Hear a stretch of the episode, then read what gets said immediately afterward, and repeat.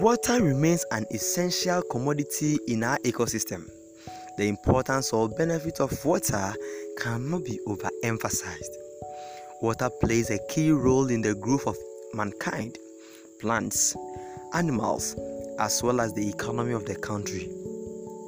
Ghana as a country in West Africa can boast of all kinds of water sources. The sea, lakes, having one of the biggest natural lakes in West Africa, Lake Bosomtwi, serving the people with food and also tourist attraction. Streams, rivers such as River Pra, River Oti, River Densu, River Ankobra, and many others serving multi-purpose function for the people.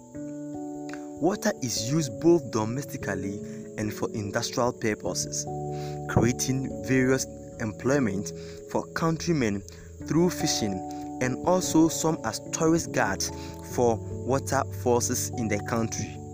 Unfortunately, the irresponsible behavioral patterns of the citizenry has caused pollution of these water bodies. Water pollution is said to be contamination of water bodies usually as a result of human activities.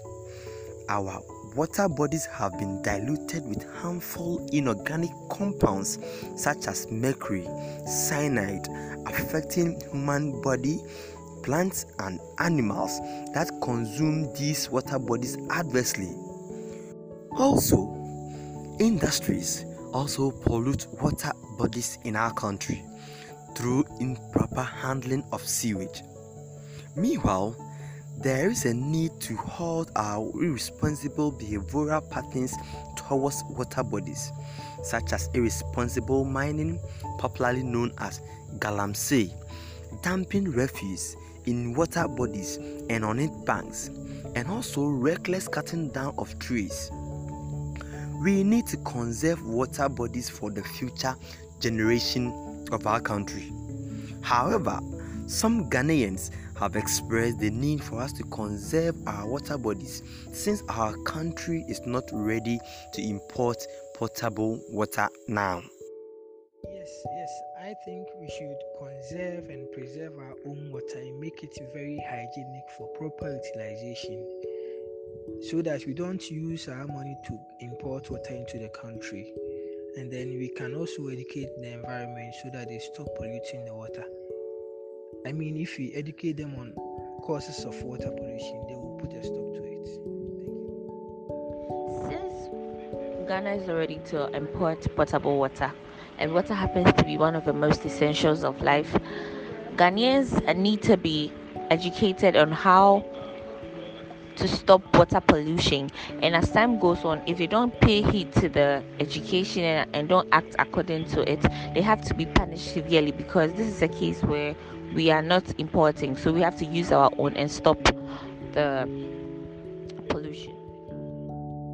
Yeah, I think for the fact that Ghana is not ready to import potable water, there is a need for the water to be conserved and preserved well because most often than not, a lot of people are illiterate and so they have no idea as to why the water must be preserved and conserved. But then, when it comes to water being polluted, there's a need for people to be educated and then people to be imposed upon to do the right thing.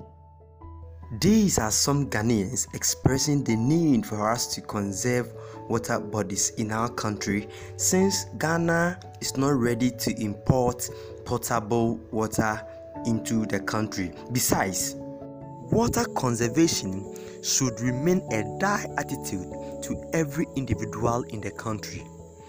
Pollution of water leads to the outbreak of so many contagious diseases, which also affect the economy of the country adversely.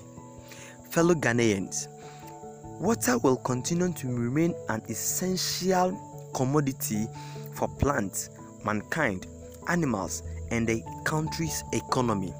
Therefore, let's all join hands to protect and conserve it for the betterment of our country. May God bless our homeland Ghana and make it great and strong.